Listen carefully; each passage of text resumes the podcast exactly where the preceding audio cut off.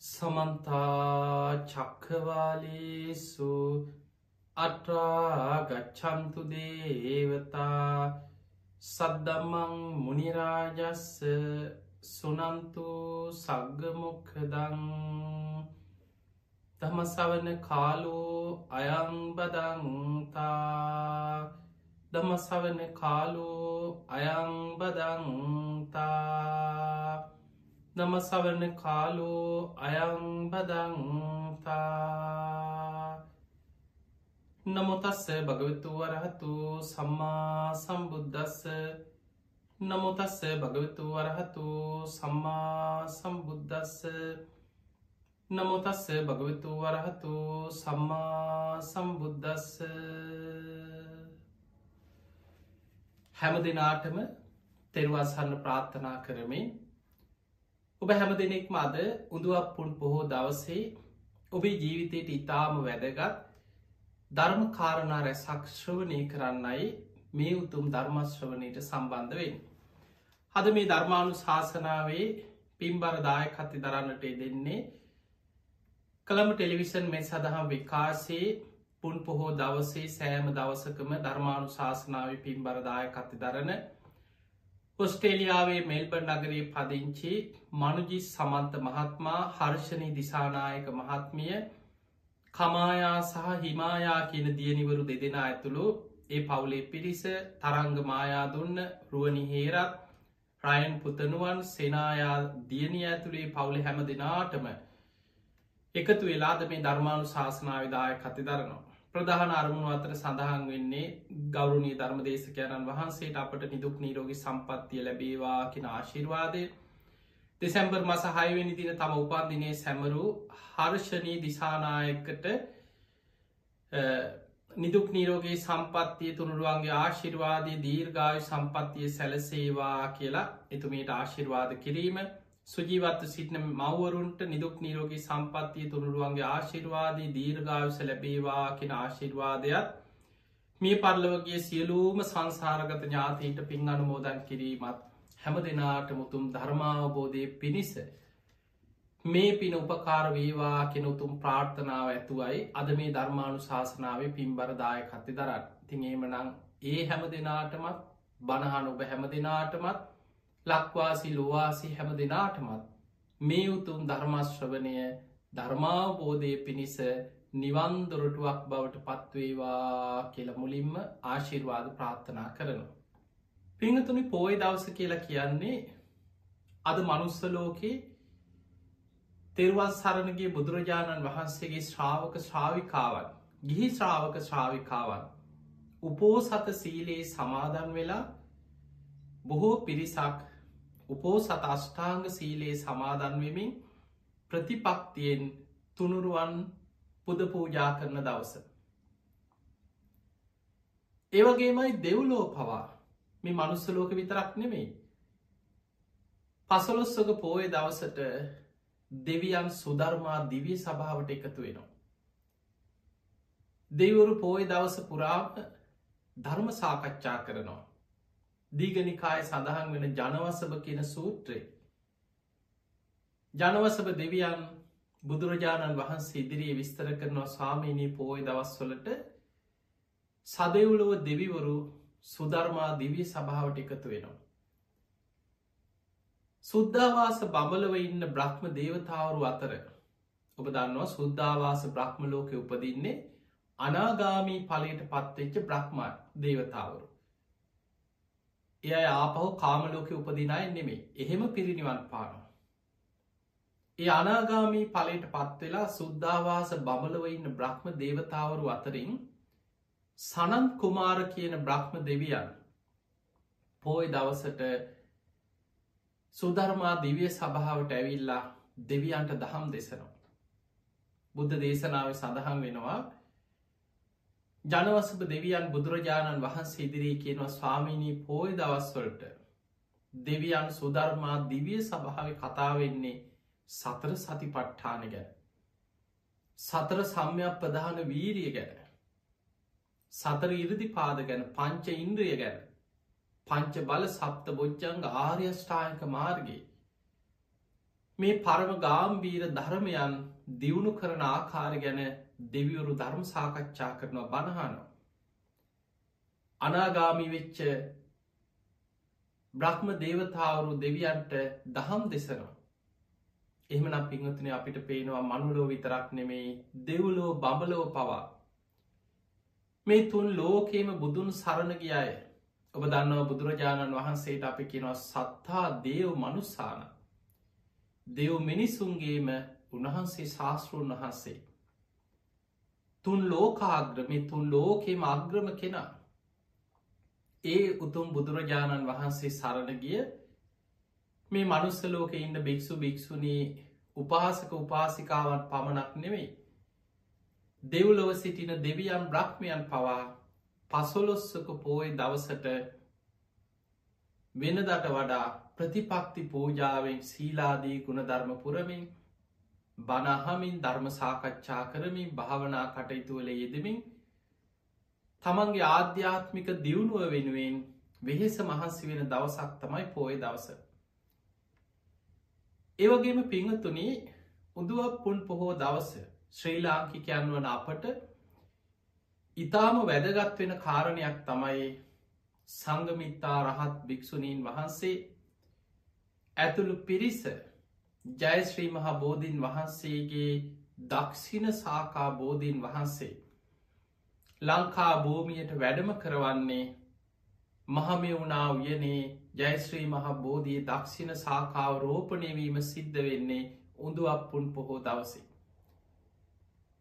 පිංහතුන මේ කාරණා මුල් කරගෙන ඒ වගේම ලංකාවේ කාන්තාවන්ට පැවිදි භාවය ලැබීම උතුම් සිරිපා සමය ආරම්භවීම ආදී ශාසනික කාරණා රැක්සක් යෙදෙන මේ උදුවක් පුන් පොහෝ දවසේ අපි කවුරුත් බුදුරජාණන් වහන්සේ පරිහරණය කරපු පාරිභෝගික වස්තුූන් අතර අග්‍රස්ථානි ලැබෙන බුදු කෙනෙක්ගෙන් පවා නේත්‍ර පූජාවකින් පිතුන් ලැබු.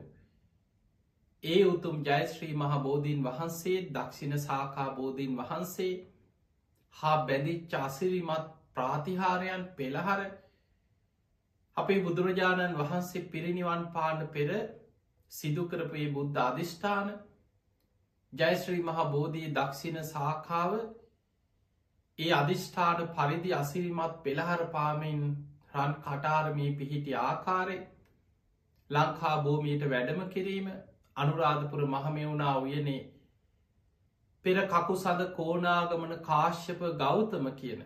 පෙර බුදුරජාණන් වහන්සේලාගේ බෝධීන් වහන්සේලා පිහිටි තැනමයි ඔබ මම සරණගිය අපේ ගෞතම බුදුරජාණන් වහන්සේගේ දක්ෂිණ සාකා බෝධීන් වහන්සේ පවා අනුරාධපුර මහමෙවුණා උයනෙ පෙල්හාර පාමින් බෝධීන් වහන්සේ පිහිටන්නට ඒතුනි. මෙන්න මේ අසිරිමත් බෝධීන් වහන්සේ හා බැඳිච්ච සිදුවීම් අද අපි මේ ධර්මාණු ශාසනාව තුළ කතා කරන්න කල්පනා කරන. පිංහතුනී ජයිශ්‍රී මහ බෝධීන් වහන්සේ සහජාත වස්තු අතර අපේ බෝසතාණන් වහන්සේ එදා පින්වන්ත මහාමායා දේවිය කුසින් ලෝකයට බිහිවුණේ විසා නැකතින් කියල සඳහන් වෙනවා. වෙසක් පෝය දවසට එන මේ විසා නැකතින් බෝසතාණන් වහන්සේ මවකුසින් බිහිවෙන වෙලාවෙම සහජාත වස්තු පහළ වුණ. සහජාත් ඒ මොහොතෙම පහළ වනේ උන්හන්සේ මවකුසින් බිහිවෙන වෙලාවිමයි විසා නැකතිම්මයි වජරාසනය ළඟින් ඇසතු බෝධී බෝ අංකුරේ පහළ වනේ.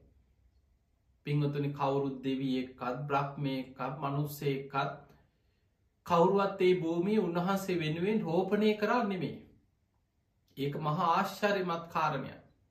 මවකුසින් පාරමී සම්පූර්ණ කරපු බෝසතාණන් වහන්සේ නමක්.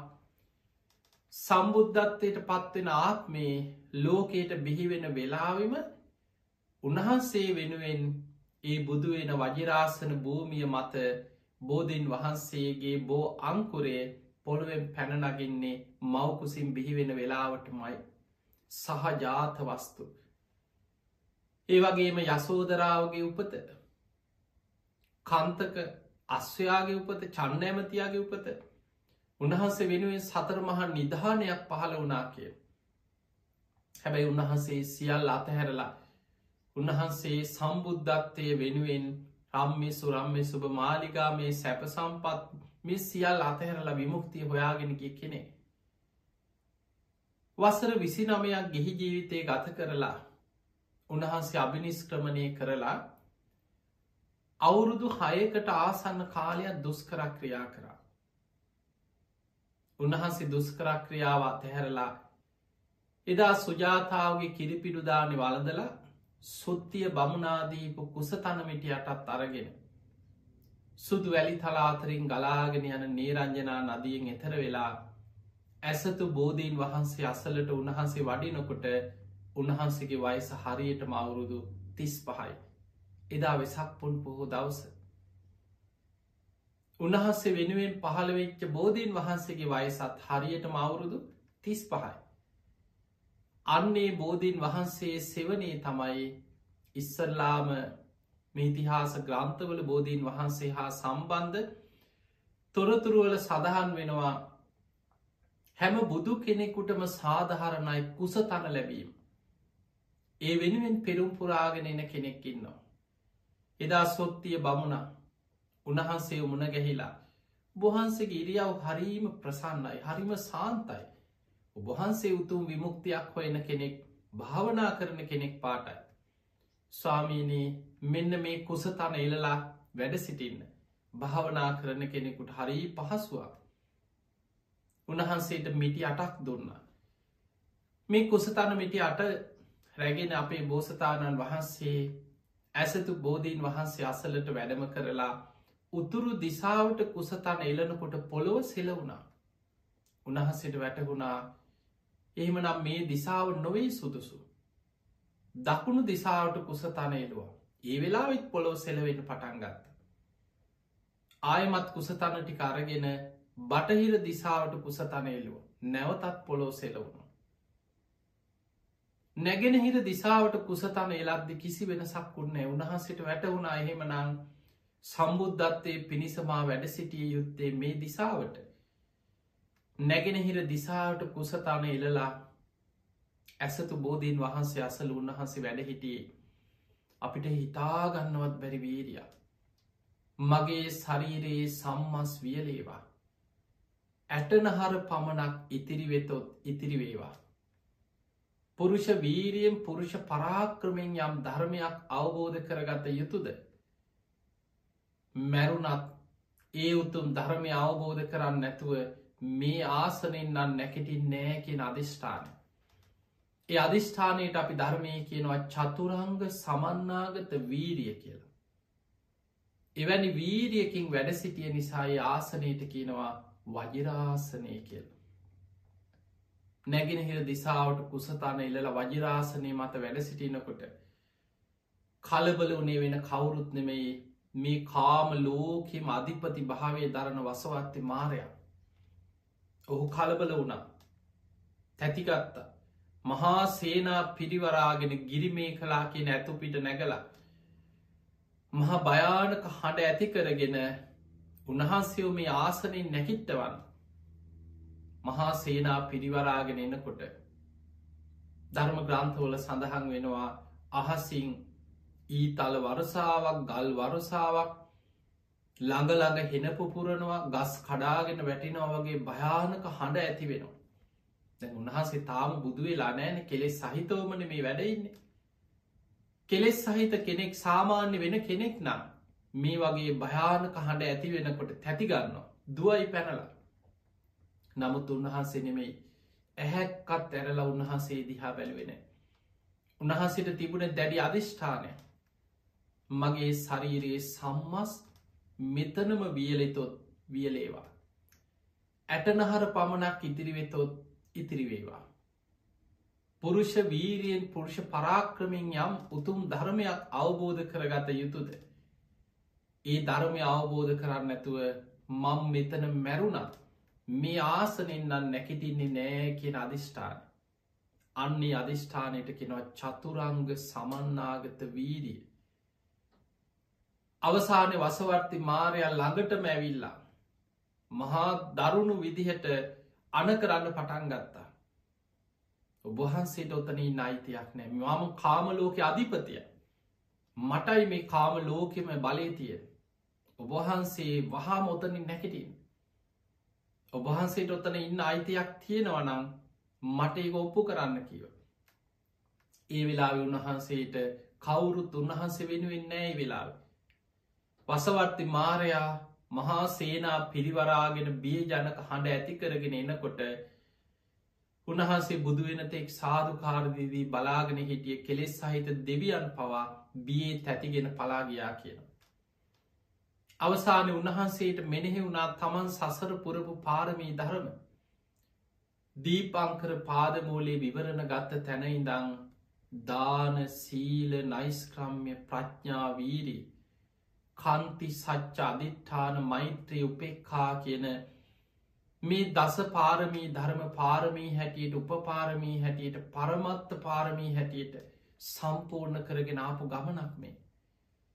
වෙස්සන්තර ආත්මි පාරමී පුරණකොට හත්වාරයක් මහපොලෝ පවා කම්පාවන උන්වහන්සගේ පාරමී බලේ මම පාරමී සම්පූර්ණ කරගත්ත දෙන කෙනෙ.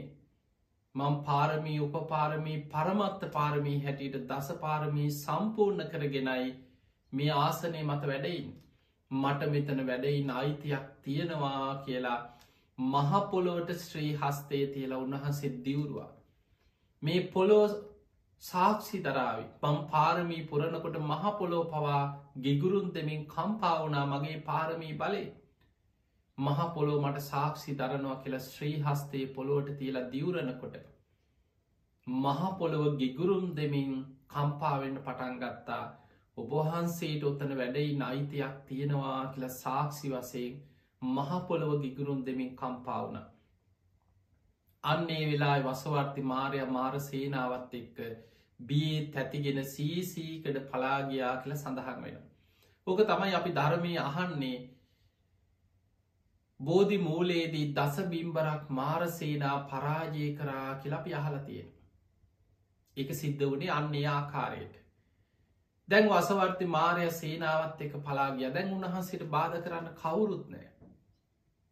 උන්වහන්සේ වජිරාසනය මත ආනාපාන සති භාවනාවට හිතයොමු කරා. හුස්මරැල්ලට. ඉක්මනින් උන්වහන්සේගේ හිත එකඟ වුණා සමාධිමත් වුණ. පළවෙනි දිහානයට දෙවනි දිහානයට තුන්ගෙන දිහානයට හතරවෙනි දිහානයටම හිත සමාධිමත් කරගත්තා. හතරවෙනි දෙහානයට සමාධිමත් වෙච්ච හිතෙන් උන්වහන්ස විමසවා පෙරජීවිත දකින්න හිතයොමු කරා. තමන් වහන්ස ගිවාගෙනාපු සංසාර ජීවිත. හරීම පුදුමයි. රාත්‍රී පළවෙනියාමේ පළවෙනි විද්‍යාව ඇති වුණා පුබ්බේ නිවාසානුස්සතිඥානය කල්ප ගඩන් කෙලවරක් හොයන්ට බැරි දීර්ග සංසාර ගමනේ ගෙවාගෙනාපු සංසාර ගමන සංසාර ජීවිත දකින නුවන පුබ්බේ නිවාසානුස්සති ඥානය ඇති වුණ. සතරාපාය මහගෙදර කරගෙන යන භයානක සංසාර ගමන. ඊළඟට බෝධි මූලේ රාත්‍රී දෙවනියාමේ උන්වහන්සේ විමසවා මම වගේමද මේ ලෝක අනෙක් සත්‍යයෝ ඒ අයත් මේ වගේ ඉපදමින් මැරමින් යන ගමනක් දෙයන් රාත්‍රී දෙවනියාමේ දෙවනි විද්‍යාව පහළ වුණා. චුතූපපාත ඥානය පහළ වුණ. දැ මේ බෝධි මූලේ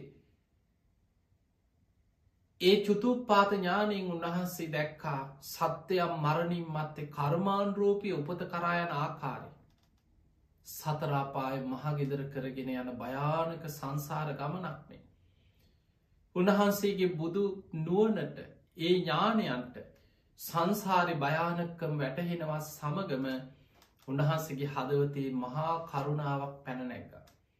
කුදස්සු නාම ඉමස්ස දුක්කස්ස නිස්සරණං හෝති. කවදාද මේ ලෝකෙ සත්‍යයන් මේ භයානක සංසාර දුකින් මිදෙන්නේ කියන හැඟීම උන්වහන්සගේ හදවතය ඇති වුණා. අන්නේ වෙලේ ඉදන් තමයි ජරා මරණවලට හේතුව විමසන්ට පටන් ගත්තා ද රාත්‍රී තුන්වෙනියාම පටිච්ච සමුපාදය අනුලෝම වසයෙන් ප්‍රතිලෝම වසයෙන් වැටහෙන්නේ අන්නේ මොහොතේ. ජරා මරණවලට හේතු හොයාගෙන යනකොට ජාති පච්චයා ජරා මරණ ඉපදීම නිසයි මේ ජරාමරණ කියල වැටහුණා. එහනම් උපදින්නේ කොහොමද විමසගෙන විමසගෙන යනකොට බවපච්චයා ජාති විපාක පිණිස කර්ම හැදෙන් නිසායි උපදින්. කොහොමද මේ සත්වයන් තුළ කර්ම සකස් වෙන්නේ විමසගෙන යනකොට වැටහුණා උපාදාන පච්චයා බව බැඳීයාම නිසයි විපාක පිණිස කර්ම සකස්වෙන්. එහෙනම් කොහොමද බැඳෙන්නේ තන්හා පච්චය උපාදාන තන්හාාව නිසයි බැඳෙන්. ඔය විදියට පිංහතුනි පටිච්ච සමුපාදය අනුලෝම වසයෙන් ප්‍රතිලෝම වසයෙන් විමසල අවසන් වෙනකොට උන්වහන්සේට හොයාගන්න ලැබුණා සංසාරයේ නැමතිගේ හදන වඩුවා අවිද්‍යාවත් තන්හාවත් උන්වහන්සේ පිරිසිඳ වටහාගත් අවබෝධ කරගත්ත. මේ පටිච්ච සමුපාදය අනුලෝම් ප්‍රතිලෝම වසයෙන් විමසල අවසන් වෙනකොටම බෝධි මූලේ උන්වහන්සගේ හිත සියලු කෙලෙසුන්ගෙන් සියලු ආශ්‍රවයන්ගේ මිදිලා ගුරූපදේශ රහිතව මේ මහා බද්ධකල්පේ හතරවෙනි බුදුරජාණන් වහන්සේ හැටියට උන්වහන්සේ බෝධි මූලයේදී සම්මා සම්බුද්ධත්වයට පත් වුණ. බුදුරජාණන් වහන්සේ සම්බුද්ධත්වයට පත්වෙලා සතියක් බෝධි මූලේම විමුක්තිස්ුව විඳමින් ඒ ඉරියව්වම උන්වහන්සේ වැඩ සිටිය. පළවෙනි සති අවසානයේ දෙව් බමුන් අතර සමහර දෙවිත් උන්වහන්සේ බුදු වෙනකොට දේවතාවරු ප්‍රීති ගෝසා කරා. මහාවීරයන් වහන්සේ කෙලෙස් සටනට ජයගත්තා. මහාවීරයන් වහන්සේ ජයගත්තා කිය. නමුත් පිංහතන උන්වහන්සේ බුදු වෙලා සතියක් බෝධි මූලේම වැඩඉන්නකොට ඉරියව්වත් වෙනස් නොකර වැඩඉන්නකොට ඇතැම් දෙවි දේවතාවරුන්ට සැක සංකා ඇති වුණා තාම බුදු වෙලා නැතුව ඇති. තාමත් උන්වහන්සේ වජිරාසනය මත ඒ විදිහටම වැඩ ඉන්නේ තාම වීරිය වඩනො ඇති. හිත දැකීමේ හැකියාවක් නැති අල්පේ ශාක දිවිවරු අතර යම් යම් අයට එවැනි සැක සංකා ඇති වුණ. හැබැයි බොහෝ දෙවි දේවතාවරු ඒ කාන්තෙන් බුදුනා කියල ප්‍රීතිගෝසා කරනකොට සමහරයි මේ වගේ සැක කරන්න ගත්ත. බුදුරජාණන් වහන්සේ බුදු ඇසින් දැක්ක දෙවියන් අතර මෙවැනි අදහස් දෙකක් ගොඩ නැගේ. මේ සැක සංකා දුරු කරන්න බුදු කෙනෙකුට පමණක් කළ හැකි අසිරිමත්ම ප්‍රාතිහාරි යමා මහ පෙළහර බෝධි මූලයෙන් අහසට පැනනැකලා උන්වහන්සේ වජිරාසනයට ඉහළ අහසේ ජයිශ්‍රී මහ බෝධීන් වහන්සේට ඉහළ අහසේ ගිනි දැල් විහිදෝමින් ජලදහරා විහිදෝමින් නොඒක් විදිහ පෙළහර පාමින් යමා මහ ප්‍රාතිහාරය යමක මහා පෙළහර පානට යෙදුණ. ඒ ප්‍රාතිහාරි දුටු දෙවුරු ඒ කාන්තෙන් ප්‍රීතිකෝසා කරා මේ ප්‍රාතිහාරය නම් කරන්නේ බුදු කෙනෙක් විතරමයි. උන්හන්සේ සම්මා සම්බුද්ධත්වයට පත් වනා ලෝතුරා සම්බුද්ධත්වයට පත් වනා කියල සාධු කාර්දිදී දෙවුරු ප්‍රීතිගෝසා කරා. දැන් පිංහතුනි ඔන්න බෝධීන් වහන්සේ උන්වහන්සේ බුද්ධත්වයට පත්වනේ බෝධීන් වහන්සේට පිටදීලා ඒ සෙවනේ. ඊළඟට බුදු වෙලා සතියක් බෝධි මූලේ වැඩ සිටිය. තවත් බුද්ධ ස්පර්සයෙන් සම්බුද්ධත්වය ලැබීමෙන් පසුවත් සතියක් බුද්ධ ස්පර්සයෙන් පූජනයක්තයට පත් වුණ. ඊළඟට ඒ සති අවසාන බෝධීන් වහන්සිට ඉහළ අහසේ තමයි යමා මහ පෙළහර පෑව. දෙවනි සතිය බුද්ධත්වයට පත්වෙලා උන්වහන්සේ කල්පනා කරා උන්වහන්සේ වෙනුවෙන්මයි මේ ඇසතු බෝධීන් වහන්සේගේ බෝ අංකුරේ මේ භූමිය පැන නැක්ගේ. උන්වහන්සේ බුද්ධත්වයට පත්වෙන්න සෙවන දුන්නා. උන්වහන්සේ සතියක් ඒ බෝමුල වැඩ සිටිය. උන්වහන්සේ හැම බුදු කෙනෙකුට මේ වගේ බෝධීන් වහන්සේ නමක් පහළ වෙනවා. උන්වහන්සේට බුදුවෙන්න සෙවන දුන්නු මේ බෝධීන් වහන්සේට කෘතගුණ සැලකීමක් ප්‍රතිඋපකාරයක් හැටියට බුදුරජාණන් වහන්සේ සතියක් බෝධීන් වහන්සේ දෙස එක එල්ලේ දෑස් යොමා බලා සිටිමි. ඇසිපිය නොහෙලා ඒ දෙසම බලා සිටිමින් සතියක් නේත්‍ර පූජාවකින් පූජාවක් කර. ඒ තමයි පිංහතුනි මේ ගෞතම බුද්ධ ශාසනයේ බෝධීන් වහන්සේ වෙනුවෙන් සිදුවෙච්ච පලවෙනිම බෝධි පූජාව. අපිට බෝධි පූජා කියපු ගම මතක් කෙන්න මල් පූජ කරනේවා පහන් පූජ කරනේවා පැන් කලයක් අරගෙන බෝධීන් වහන්සේ වටා බුදුගුණ කිය කිය ගිහිල්ල පැන්ටිකක් වක් කරන.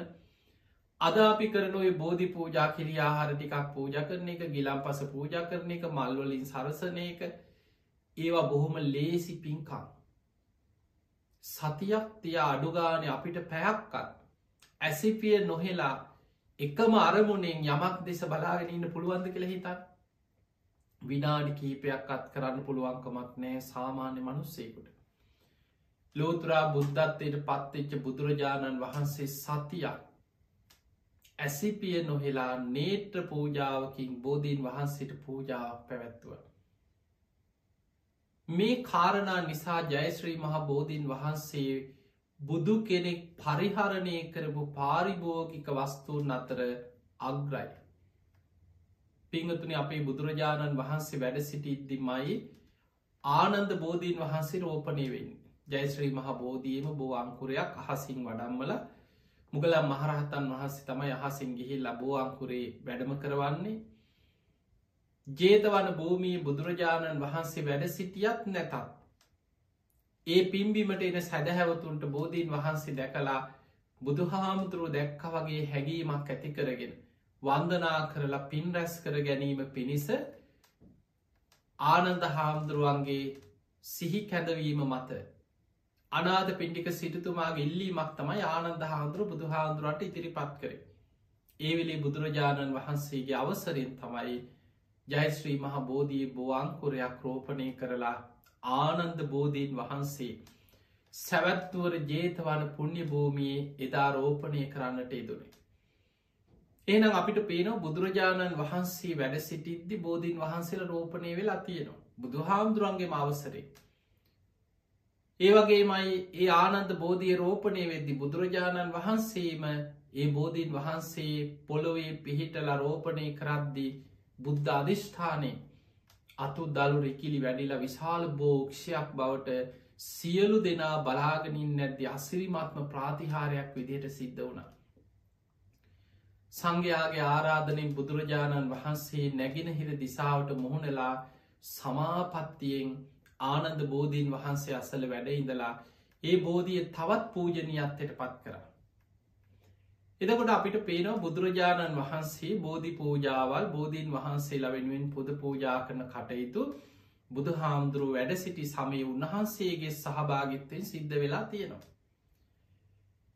පිංහතුනේ මෙවැනි කාරණා නිසා පරිහරණය කරපු පාරිභෝගික වස්තු අතර ජයශ්‍රී මහ බෝධීන් වහන්සේ ආග්‍රයි. අපි දන්නවා බුදු හාමුදුරුවන් වෙනුවෙන් ත්‍රිවිධ චෛත්‍ය අපි වන්දනා කරනවා. සාරීරික චෛත්‍ය බුදුරජාණන් වහන්සේගේ සාරීරික දහතුන් වහන්සේලා කේෂධාතුන් වහන්සේලට අපි ධර්මී කියන්නේ ශාරීරික ජීව සාරීරික දහතුන් වහන්සේලා. ශරීරයේ පිහිටි අස්සිධාතුන් වහන්සේලට අපි කියන්නේ බුදුරජාණන් වහන්සේගේ සර්වඥ අස්සිධාතුන් වහන්සේලා.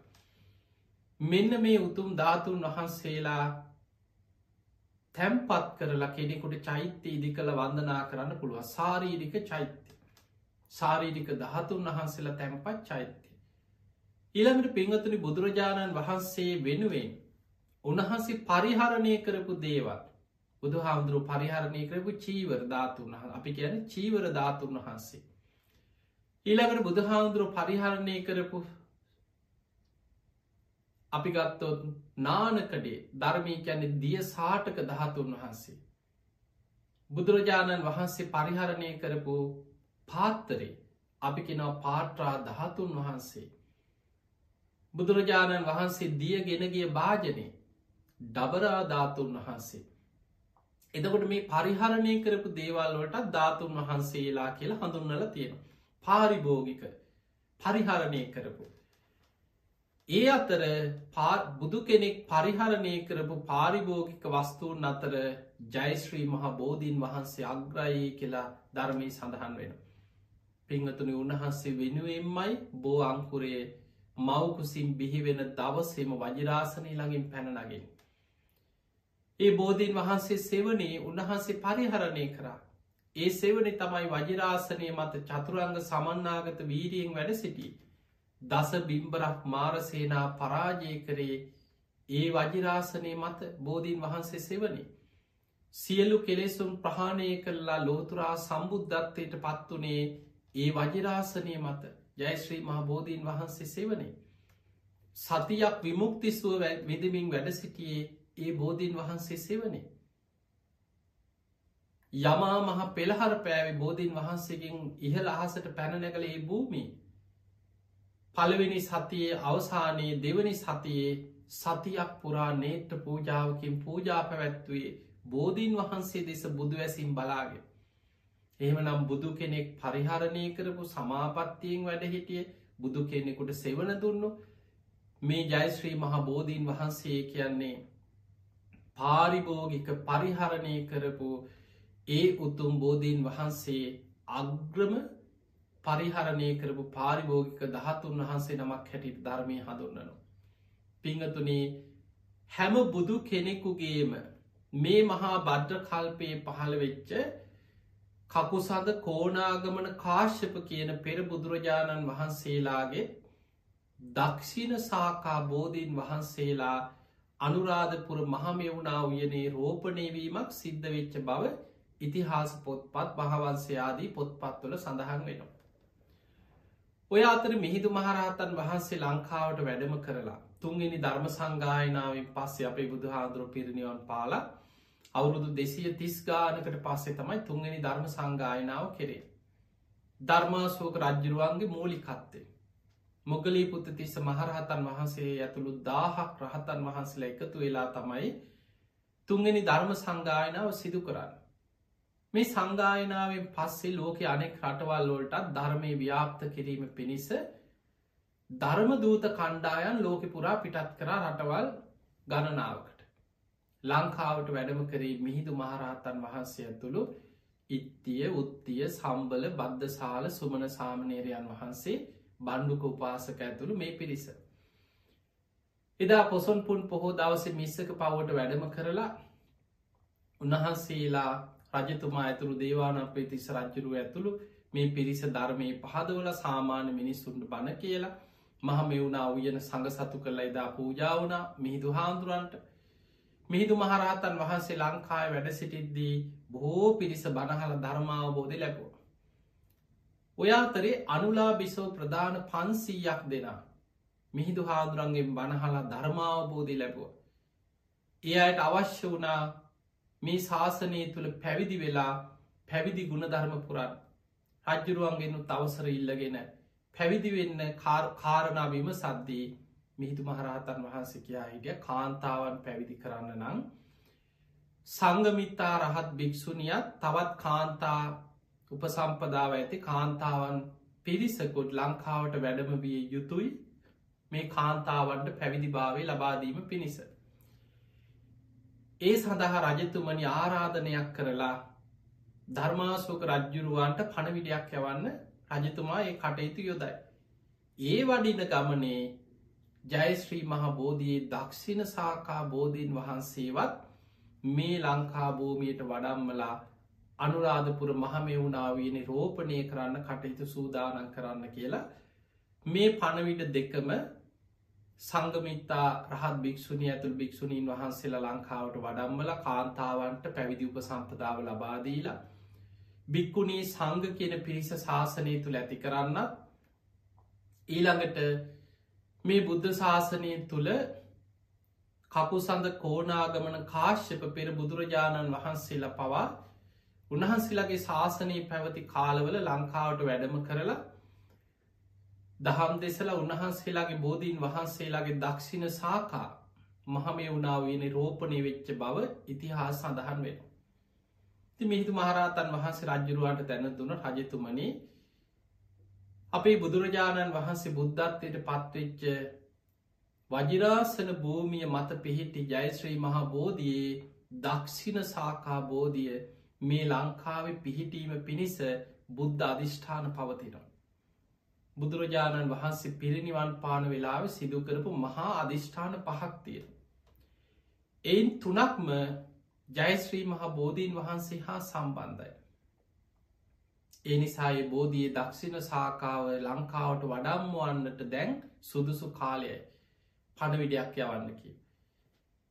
එදකට මෙන්න මේ පණවිඩේ ලැබුණට පස්සේ ධර්මාසෝක රජ්ජුරු කල්පනා කරා සංගමිත් ඇතුළ පිරිසවනං යවන්න පුළුවන්.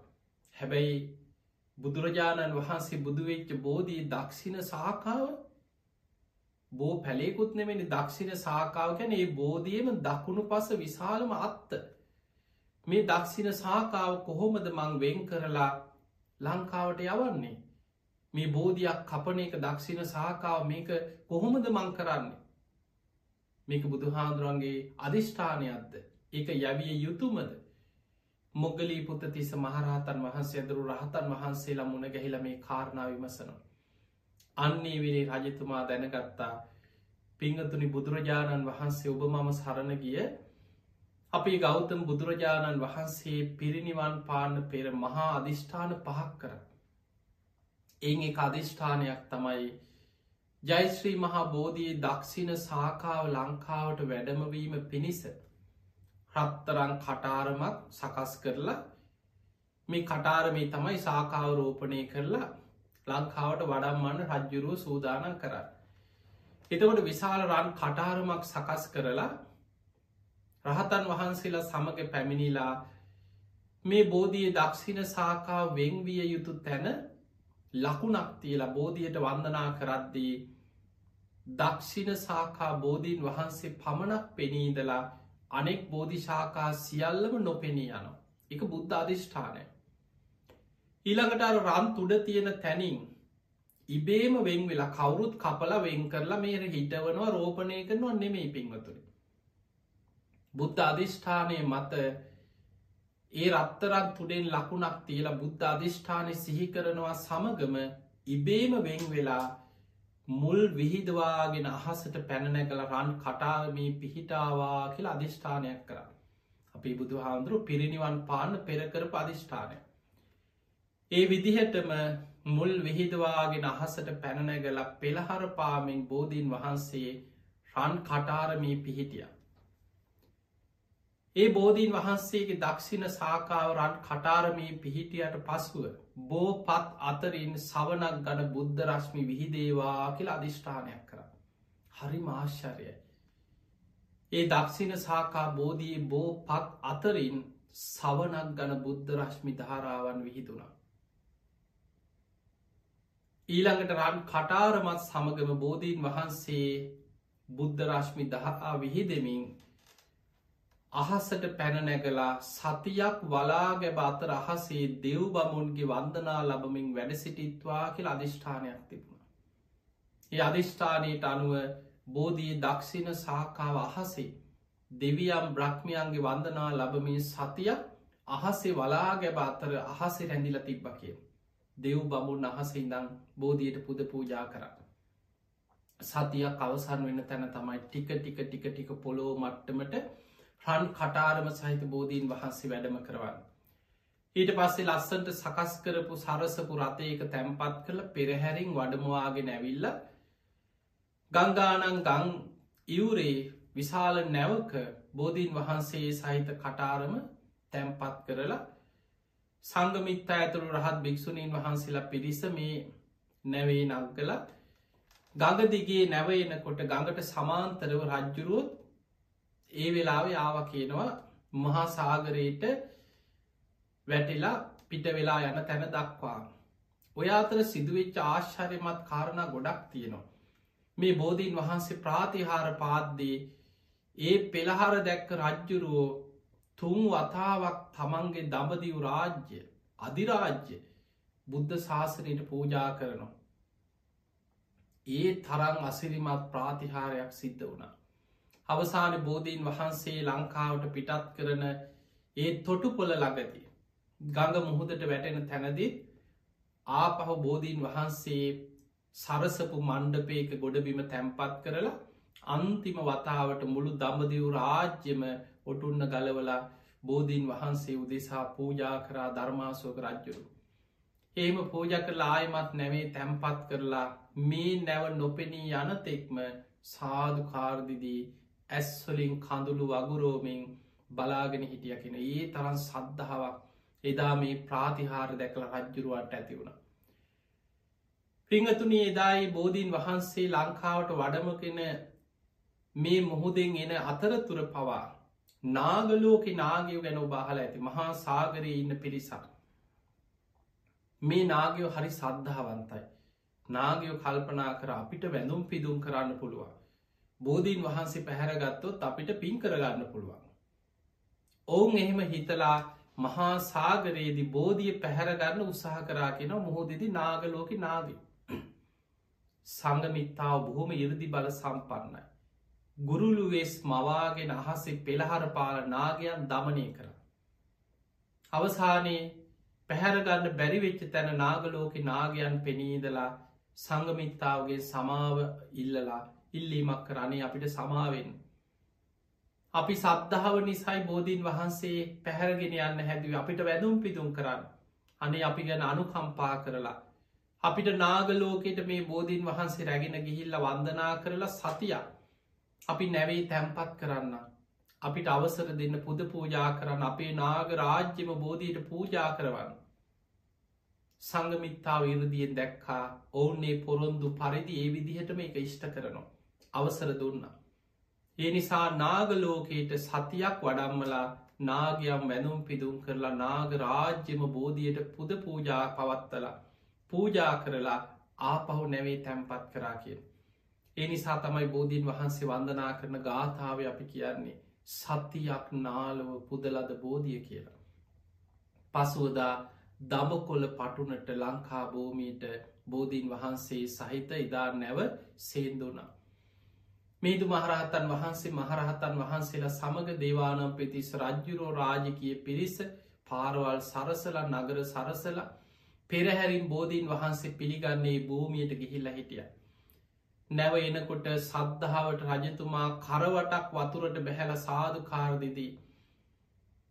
අර කටාරම පිරිසත් එක්කම බොහොම ගෞරුවෙන් පිළිගෙන රථයක තැම්පත් කරලා. ඒ වෙලාවෙම ලංකා රාජ්‍යම බෝධීන් වහන්සේට පූජා කරා. වන්දනා කරලා. අර පිරිසත් එක්ක අනුරාධපුර මහමේ වුණා උයනට වඩම්මගෙනන ගමන මග දිගට පුද පූජා පවත්තමින් පෙරහැරි බොහෝම ගෞරුවෙන් වඩම්මගෙනාව. ඒවගේමයි මහමේ වුණා උයනට වඩම්මගෙන පැමිණිලා. අද මහමේ වුණා උයනි දක්ෂිණ සාකා බෝධීන් වහන්සේ වැඩ සිටින තැන. එදා මිහිදු මහරහතන් වහන්සේ රජතුමාට කෙන රජතුමනි අපි කවුරුවත් මේ පොළොවේ අමුතුවෙන් මේ බෝධිය රෝපණය කරන්න සූදානං වී යුතු නෑ. මෙන්න මේ විදිහට අපි අධිෂ්ඨාන කරමු. මේ අනුරාධපුර මහමෙවුනා වයනේ පෙර කකු සඳ බුදුරජාණන් වහන්සේගේ මහරි බෝධයේ දක්ෂිණ සාකාව පිහිටි යම් තැනක් ඇද්ද. කෝනාගමන බුදුරජාණන් වහන්සේගේ දිමුල් බෝධයේ දක්ෂිණ සාකාව පිහිටි යම් තැනක් ඇද්ද. කාශ්‍යප බුදුරජාණන් වහන්සේගේ නුග බෝධයේ දක්ෂිණ සාකාව පිහිටි යම් තැනක් ඇද්ද. ගෞතම බුදුරජාණන් වහන්සේගේ ඇසතු බෝධීන් වහන්සේ මේ දක්ෂිණ සාකාවත් ඒ තැනම පිහිටාවා කියල සත්‍යයක් ක්‍රියාවක් කර අධිෂ්ඨානයක් කරන. හරි මාශ්චරයක් බෝධීන් වහන්සේ රන් කටාරමත් සමග මහසට පැනනැකලා වලාග බාත්තර අහසේ රැඳමින් දෙව් බමුන්ගේ පුද පූජ අහස සිදුවන. හවස් වෙනකොට එදා පුන් පොහෝ දවසේ උදුවක් පුන් පොහෝ දවසේ ඒ පොළොව මත ඒ භූමියේ ජයශ්‍රී මහබෝධයේ දක්ෂින සාකාව පිහිටිය. බෝධීන් වහන්සේ පිහිටනවා සමගම මුළු ලංකා භූමිය පුරාම පොළොව සෙලවෙමින් ආලෝක දහරා දෙව්ලෝ බමලුවට පවා ආලෝක දහරා විහිදිලා ගිය. පිංහතුන ඔය වගේ මහා ආශ්චරමත් අසිරිමස් සිදුවීම් රැසක් සිද්ධ වුණ. ඒ වෙලා විශාල වලාකුලක් පොලෝ මට්ටමට මැවිල්ල බෝධිය වහගෙන ඒ මහමෙවුනා උයනම වලාකුලකින් වැසී ගිහිල්ලා වැසි ඇද හැලෙන්න පටන් ගත්තා. මේතු මහරහතන් වහන්සේ රජ්ජුරුවන්ට කෙන රජතුමනේ මේ මොහොතේ වැස්ස වලාහක දෙවිවරු දෙවියන් සමග මේ භූමිය වැසි ඇද හැලමින් බෝධීන් වහන්සේට පූජා පවත්වනවා. සතියකින් අපි බෝධීන් වහන්සේට වන්දනා කරන්න මේ භූමියටම අපි දැ පිටත් වෙලා යන් කියලා පිරිසත් එක්ක පිටත් වෙලා ගිය. සතියක් මහමේ වුණා උයනට පමණක් වැසි ඇද හැළමින් බෝධීන් වහන්සේට වැස්සවලාහක දෙවියන් ඇතුළු පිරිස පුද පූජා පැවැත්තුව. සතියක් අවසානයේ එදා පළවෙනියටම බෝධි පූජාවක් කරන්න බෝධී රෝපණය වෙලා සතියකට පසු. රජ්ජුරු ඇතුළු රාජකයේ පිරිස රටවැසියන් ඒ ඒ ප්‍රදේශවලින් ආපු රාජකීය පාලකවරු ඒ වෙනකොට රටේ හිටපු බොහොම ප්‍රභූ පිරිස මේ හැමෝම මල් පූජා ද්‍රව්‍ය අරගෙන පෙරහැරින් ඇවිල්ල හිටිය බෝධීන් වහන්සේට පූජා පවත්තා.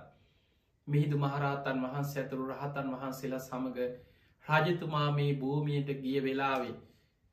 මිහිදු මහරහතන් වහන්සේ දකිනව බෝධීන් වහන්සේගේ බෝ පල කීපයක් හටගෙන තියෙනවා. මේ බෝ පලයක් අධිෂ්ඨාන කරලා අතට අරගෙන රජතුමාට දුන්න රජතුමනි මෙන්න මේ බෝ පලය මේ කටාරම මත රෝපනය කරන්න කියලා. ඒ කටාරම මත තියල පස්වලින් අතින් වහනවා සමගම හරිම ආශ්චරිමත් දෙයක් සිද්ධ වනා අර බෝ පලය අටට බෙදිලා අතු දළුරි කිලි වැඩිලා පුංචි බෝ පැල අටක් හටගත්තා. ඒ තමයි අෂ්ටඵල බෝධීන් වහන්සේලා. ඒ වෙලාවේ රජ්ජුරුවන්ට පුදුමාකාර සතුටක් ඇති වුණා ලංකා රාජ්‍යම බෝධීන් වහන්සේට පූජා කරනවා. මිහිදු මහරත්තන් වහන්සේ තවත් බෝපල හතරක් දකිනවා. මේ දක්ෂිණ සාකා බෝධීන් වහන්සේ මත පැසුණු බෝ පල බෝ ගෙඩි කියල කියමු. අන්නේ බෝ පල හතරක් අරගෙන දෙවනි වතාවේ රජ්ජුරුවට දුන්නා මේ බෝ පලහතරත් රජතුමාගේ අතිම මේ කටාර මේ රෝපණය කරන්න. පස්වලින් වහනවත් සමගම අර කටාරම මත තියලා කලින් වගේම ඒ බෝ පල හතරත් එක අට බැගින් බෙදිලා බෝ පල තිස් දෙකක් හටගත්තා. පුංචි දළුරි කිලි වැඩිලා බලාගෙනින් නැති බෝ පැල තිස් දෙකක් හටගත්තා. ඒ තමයි දෙතිස් පල බෝධීන් වහන්සේලා. එදා මේ ආශ්චරයමත් අෂ්ටඵල බෝධීන් වහන්සේලා දෙතිස් පල බෝධීන් වහන්සේලා ජයිශ්‍රී මහ බෝධීන් වහන්සේ වන්දනා කරන්න පැමිණි ඒ ඒ ප්‍රදේශවල ප්‍රාදේශය පාලක රජවරු ඇතුළු පිරිසට රට පුරාම ජයශ්‍රී මහා බෝධයේ ඒ ආශිර්වාදය විහිදිලා යන ආකාරයට අෂ්ටඵල බෝධීන් වහන්සේලා දෙතිස් පල බෝධීන් වහන්සේලා ඒ අයට ලබා දුන්නා තම තමන්ගේ ප්‍රදේශවල ගිහිල රෝපණය කරලා වැදුම් පිදුම් කරන්න කියලා. පිංහතුනි ඔන්න ඔය විදිහට තමයි උදුවක් පුන් පොහෝ දවසේදා ජයිශ්‍රී මහබෝධී දක්ෂිණ සාකා බෝධීන් වහන්සේ සංගමිත්තා රහත් භික්‍ෂුණී ඇතුළු භික්‍ෂුණීන් වහන්සේලා පිරිස මේ ලංකා භූමියයට වඩම්මගෙන පැමිණිලා මහමෙවුණා වයන රෝපණයවීම සිද්ධ වනේ. තිං එවැන් අසිරිමත් සිදුවීම් සිද්ධ වෙච්ච පුන් පොහෝ දවසක ජයශ්‍රී මහා බෝධයේ දක්ෂිණ සාකා බෝධීන් වහන්සේගේ පිහිටීම ඒ අසිරිමත් කාරණා රැසක් ගැන ඔබේ හිතේ සද්ධාව ඇතිවෙන ආකාරයට අද මේ සිදුකරපු මේ ධර්මානු ශාසනාව ඔබ හැම දෙනාටම ධර්මාවබෝධය පිණිස නිවන් අවබෝධය පිණිස සසරදුකින් මිදීම පිණිසම සද්ධාදී ගුණ ධර්ම බලවත්වේවා ධර්මාබෝධය පිණිසම මේ ධර්මානු ශාසනාව හැම දෙනාටම ආශිර්වාදයක් වේවා. පාරමිතාවක්ම වේවා වේවා වේවා කියලපි ආශිර්වාද කරනවා. පිංහතුනි අද මේ උතුම් ධර්මශ්‍රවනයෙන් ඔබ රැස් කරගත් සියලු පින් සියලු දෙවියෝ සාධකාරදිදී මේ පින් අනුමෝදන් වෙත්වා. ඒ දෙවියන්ගේ පිහිට රැකවරණ ආශිර්වාද ඔබ හැම දෙනාටම ලැබේවා ලැබේවා කියලපි ආශිර්වාද කරනවා. තිං අද උදුවක් පුන් පොහෝ දවසේ මේ ධර්ම දේශනාවේ පින්බර දායකත්ති දැරුවේ ඔස්ට්‍රේලියාවේ මෙල්බන් නගරේ පදිංචි මනුජී සමන්ත මහත්මා හර්ෂණි දිසානායක මහත්මිය කමායා සහ හිමායා කියන දියනිවරු තරංග මායාදුන්න රුවනි හේරත් හයන් පුතනුවන් සෙනයා දියනි ඇතුළේ පවුලි සියලු දෙනා එකතු වෙලා ඥාති හිත මිට්ටාදීන් කල්්‍යයාන මිට්‍රයන් හැම දෙනාම එකතු කරගෙන තිය හැම දෙනාටම සියලු දෙවියන්ගේ පිහිට රැකවන තුනුරුවන්ගේ ආශිර්වාදය සැලසේවා. උතුම් ධර්මාවබෝධය පිණිස්සම මේ පින ඒ හැම දෙනාටමත් ආශිර්වාදයක් වේවා වේවා කියලපි ආශිර්වාද කරනවා. ප්‍රධාන අරමුණ තමයි ධර්ම දේශකයණන් වහන්සේට අපට ආශිර්වාද ප්‍රාර්ථනා කිරීම. ඒවගේම දෙසැම්බර් මස හයවෙනි දින තම උපන්දිනය සැමරු හර්ෂණය දිසානායක මහත්මීට නිදුක් නීරෝගී සම්පත්තිය තුනුළුවන්ගේ ආශිර්වාදය දීර්ඝාශ සැලසේවා කෙනුතුම් ආශිර්වාද ප්‍රාර්ථනය. සුජීවත සිටින මවවරුන්ට නිදුක් නීරෝගී සම්පත්තිය තුළුළුවන්ගේ ආශිර්වාදය දීර්ඝාශ ලැබේවා කියෙන ආශිර්වාදයක් සංසාරගත සියලුම මියගේ ඥාතීන්ට මේ පින් අනුමෝදන් වෙලා සසර දුකින් අතමි දේවා කෙනුතුම් ප්‍රාර්ථනාවෙන් පින්දීමත් ඔබ හැම දෙනාටමත් බණඇසූ ලක්වාසි ලෝවාසි හැම දෙනාටමත් ඒ පවුලෙ හැම දෙනාටමත් උතුම් ධර්මාවබෝධීම ලැබේවාකින උතුම් අරමුණෙන් මේ ධර්මාණු ශාසනාව සිදු කරේ. තිහෙමනම් එදායකත්ති දැරූ පිංහතුන්ටත් බණහපු බැහැම දෙනාටමත් කළම් ටෙලිවිෂන් ආයතනය සියලු දෙනාමත් ලක්වාසි ලෝවාසි ඔබ හැම දෙනාමත් නිදුක්වේවා නිරෝගිවේවා සුවපත්තේවා සුවපත්තේවා සුවපත්තේවා හැම දෙනාටම උතුම් ධර්මාවබෝධය පිණිස මේ පිනාශිර්වාදයක් පාරමිතාවක් වේවා කියලපි ආශිර්වාද කරනවා. ආකා සට්ඨාච බුම්මට්ටා දේවානාගා මහිද්දිකා පුഞ්ඥත්තං අනුමෝදිත්වා චිරන්රක්කන්තු ලෝක ශාසනං ආකා සට්ඨාච බුම්මට්ටා දේවානාගා මහිද්දිකා පුഞ්ඥන්තං අනුමෝදිත්වා චිරන්රක්කන්තු දේශනං ආකා සට්ඨාචුබුම්මට්ටා දේවානාගා මහිද්දිකා පුഞ්ඥන්තං අනුමෝදිත්වා චිරන්රක් කන්තුතුවං සදා හැම දෙනාටම සම්මා සම්බුදු සරණ